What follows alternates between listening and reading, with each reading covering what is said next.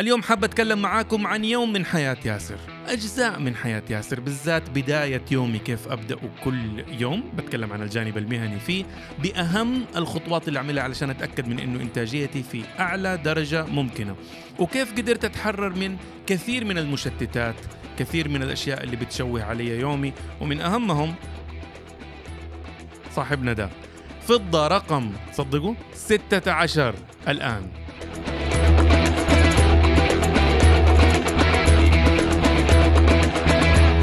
السلام عليكم معاكم ياسر بكر وحالي هو أحسن مما أستحق الحمد لله وأتمنى أن حالكم هو أفضل بكثير حتى مما تتمنون. أهلا وسهلا بكم في فضة سواء كنتم تستمعون أو تشاهدون من أحسن بلدان الدنيا المملكة العربية السعودية حفظها الله لنا وسخرنا دوما لخدمتها. أو إذا كنتم تشاهدون أو تستمعون من أي بلد من بلدان هذا العالم الجميل جدا. أهلا وسهلا بالجميع. فضة غير فضة light فضة يوم في حياة ياسر إلا شوية. تعرفوا هذه الفيديوهات؟ day in life life hacks إيش يعمل فلان كل يوم في يومه. بحاول أعملها بشكل مختصر. ما راح أحكيكم عن يومي بالكامل بما فيه من تفاصيل شخصية وصحية ودينية وعائلية ووظيفية. لا لكني راح أخذ لكم جزء بسيط من يومي. وهو بدايته. واللي عندي عادة يومية كل يوم هذا الشيء اللي بعمل لكم هو الآن اللي راح استعرض لكم هو بأعمله كل يوم في حياتي. أقدر بعد توفيق الله سبحانه وتعالى ودعاء الوالدين أقدر أدي الفضل كله في قدرتي على إنجاز أي شيء ذا قيمة لي وللآخرين. وهو أني كيف أخطط وأنفذ مهامي اليومية.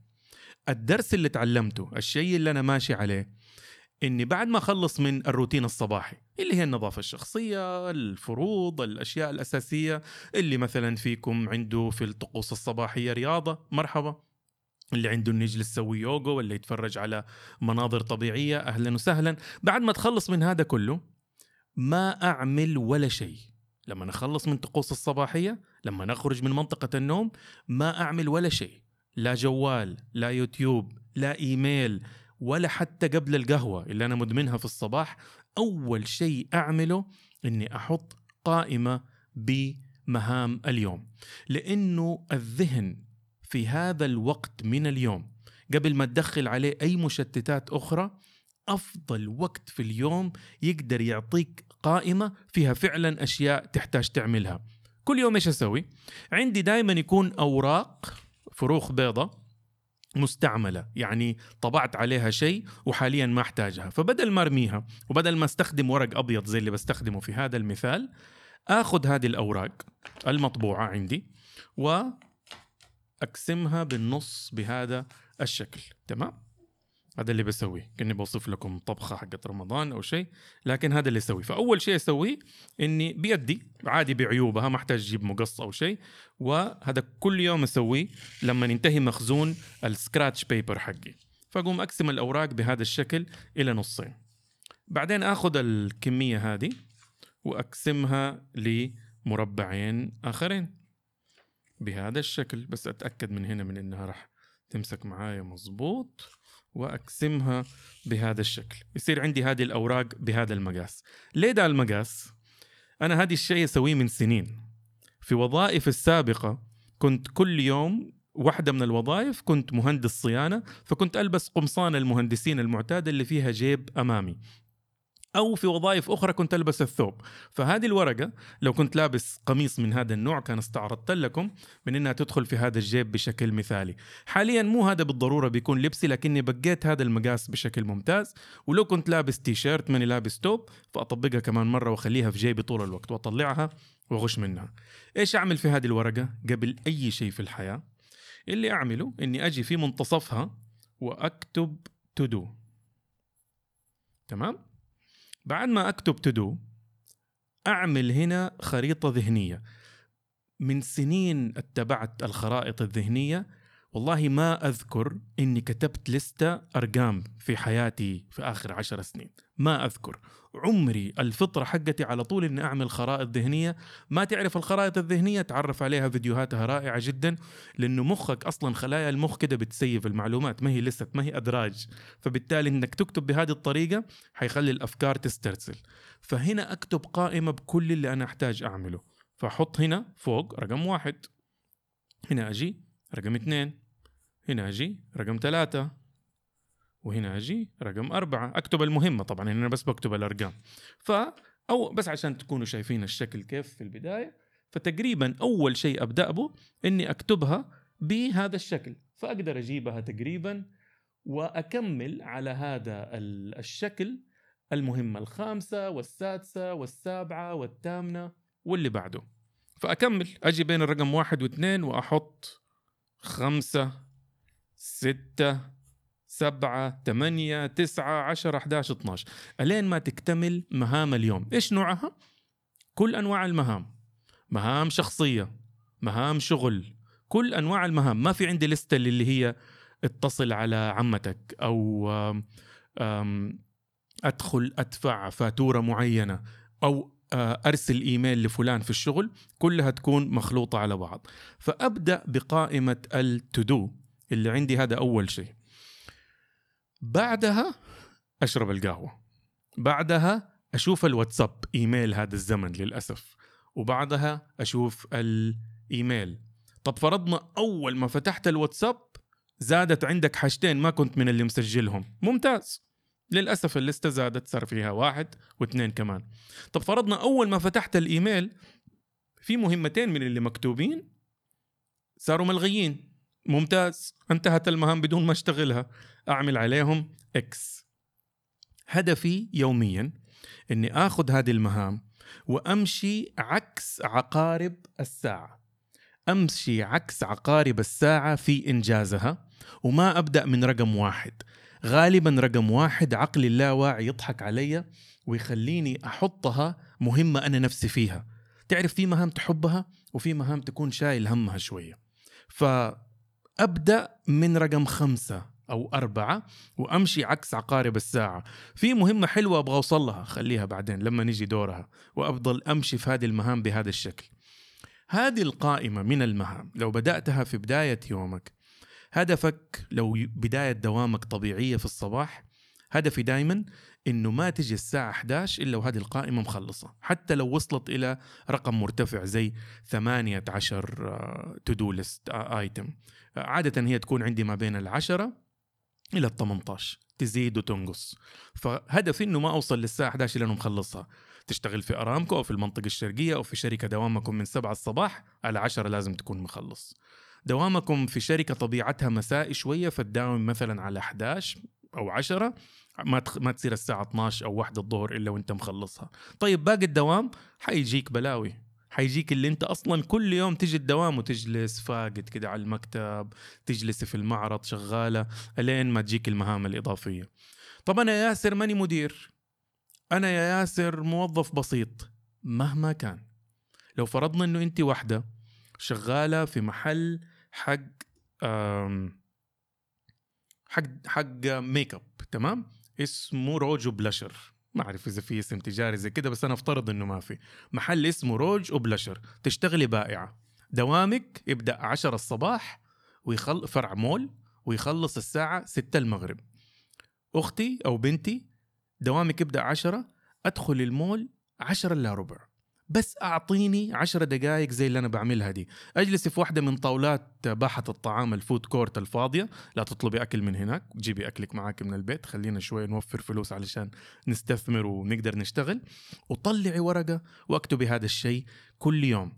إيش أكتب؟ ماني حوقف في المحل. لو جات زبونة حشرح لها وحبيع لها. اكتبي إيش تبغي في حياتك.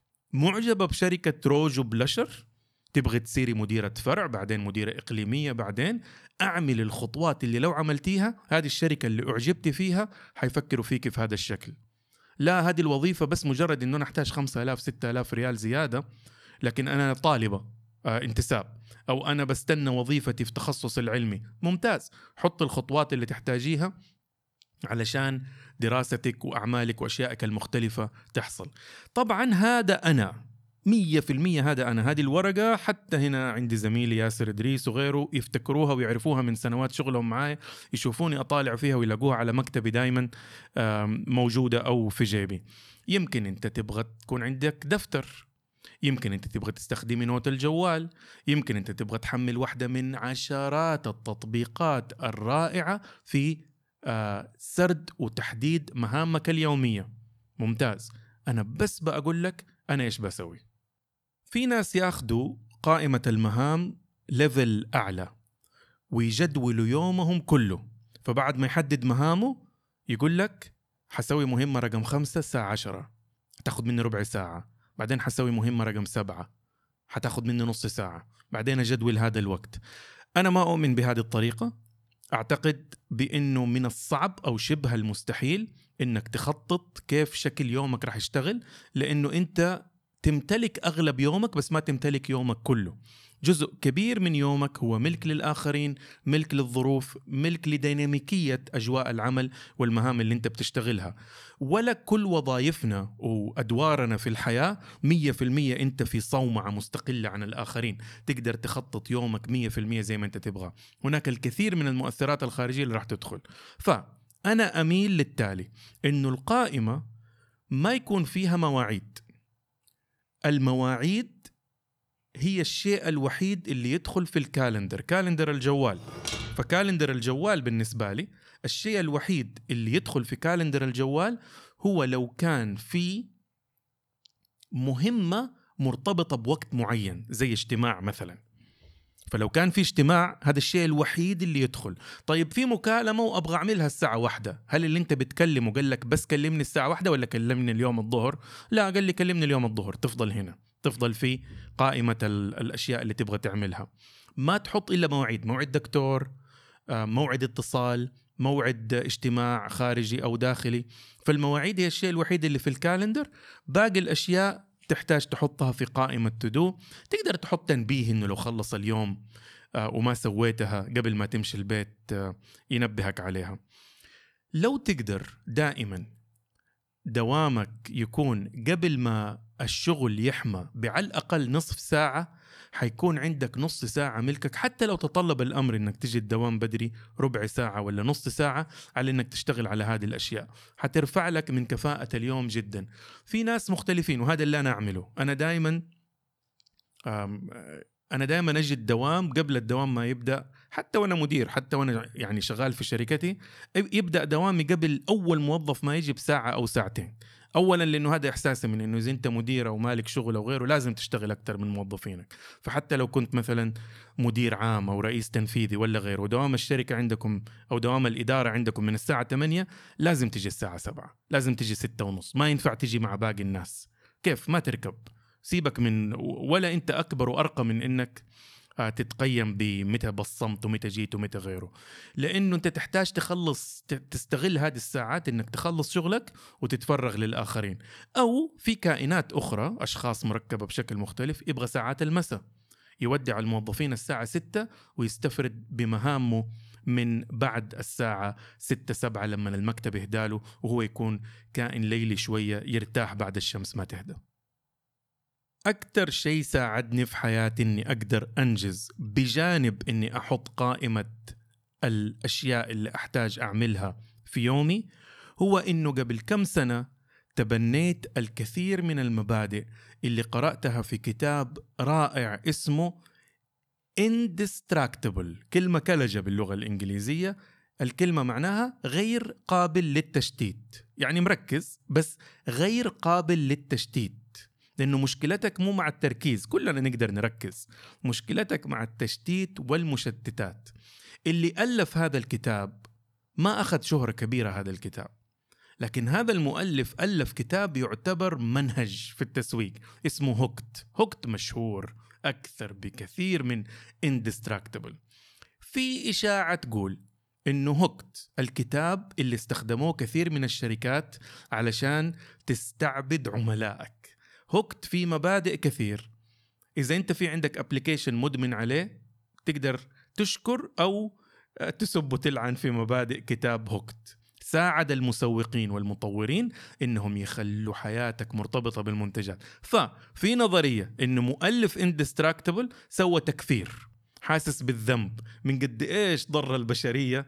هو ينفي هذا الأمر. لكن النظرية دي موجودة. ينفي بمزح مو مية في المية فأقدر أقول الكلمة دي.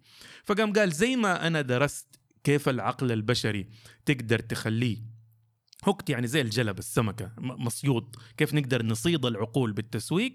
أنا أبغى أجي أوريك كيف تقدر تفك العقول من هذا التسويق بكتاب Indistractable، Indistractable أول ما يجيك تحسب انه أنت حتشوف كتاب من الكتب السخيفة السطحية دي اللي هو فيه عشر طرق للتخلص من آه، عبودية الجوال في يدك. كتاب طلع مرة أعمق من كده. فاجأني درجة عمقه. في مبدأ حياتي كلكم تعرفوا من إنه آه، فرويدي سيجموند فرويد. إيش يقول؟ إنه الإنسان في حياته كيف تقدر تبرر كل شيء بيسويه؟ عنده قاعدة كثير قالوا إنها مرة سطحية. إنه أنت في حياتك عندك سعي غريزي للمتعة وتجنب الأمل. كل شيء بتسويه كل شيء بتاكله كل شيء بتشتريه كل شيء بتعمله كل شيء ما بتعمله تقدر تفرز تفسره بهذه الغريزة البشرية إنه كل شيء بتسويه هو seeking pleasure avoiding pain. seeking pleasure avoiding pain. جاء مؤلف هذا الكتاب وقال لك هذا التفسير السطحي مو كفاية. الإنسان سطحي أكثر من كده. ما هي حاجتين اللي تتحكم فيه. واحدة avoiding pain تجنب الألم. يمكن أنت تجنب الألم أقوى عندك من الرغبة في إنك تحصل على اللذة. اللي يخليك تاكل هو تجنب ألم الجوع أكثر من رغبتك في لذة الشبع. طب تقول لي في ناس يبغوا ياكلوا باستلذاذ يعني يقدروا يشبعوا من أي شيء لكنهم لازم يكون الصوص جبنة واللحم يكون واقيو والخروف يكون راضع وصغير التيس وداخل فنيفة فيها أعشاب ومرخ معين. كل هذا ما هو سعي للذة بقدر ما هو خوف من إنه يفوتك الطعم خوف من إنه تفوتك المتعة. عشان كده تلاقي كثير ناس يقعد يخطط لرحلة وقت طويل وتلاقيه فيها جالس مكتئب. يا عمي مو أنت اللي كنت تبغانا نروح دي الرحلة؟ جالس على جواله أو طفشان أو ما انبسط فيها. إيوه هو بس اللي كان يبغاه إنه ما يفوته اللذه ما يجلس خايف من إنه يا ترى هذه فاتته ولا لا. إذا استخدمنا هذا التفسير الفلسفي حنلاقي إنه هذا مظلوم. جوالنا مظلوم. مشكلتنا في إننا بسهولة نتشتت. أول ما تسمع تتت تشوفه. يكون واحد بيكلمك طالع فيه ويكلمك فجأة تلاقي نفسك على الجوال ويقول لك طالع فيه تقول له معاك معاك معاك. إيوه؟ إيه؟ مو معقول هذه الحالة عبودية للجوال. مظلوم. إلى حد ما الجوال مظلوم. هو بريء من إنه أنت مشتت. المشكلة الحقيقية اللي موجودة إنه أنت خايف يفوتك شيء. أنت قاعد تجري طول الوقت تبغى تطمن. يمكن ما حفرح لكن أبغى أطمن إنه أنا ما يجيني ألم الندم. فتقعد طول الوقت تبغى تلحق على الأشياء. حتى لو أنت عارف من إنه هذه الثلاث دقائق اللي حتقضيها في timeline انستغرام ما راح تجيب لك متعة كبيرة في الحياة. حتى لو أنت عارف هذا الشيء برضك بتروح علشان يمكن يكون في ذلك ال post الأسطوري اللي حيغير مزاجي للأبد. وعمرك ما حتشوف أغلب الأشياء مبتذلة وما فيها شيء مختلف. إيش سويت في الجوال؟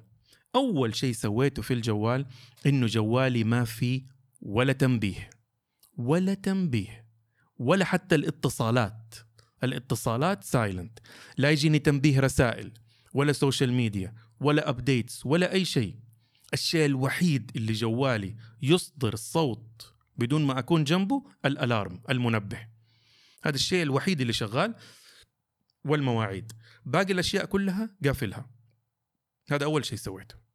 ثاني شيء سويته من المبادئ حقت آه هذا الكتاب إنه خليني هنا أوريكم الشاشة حقتي.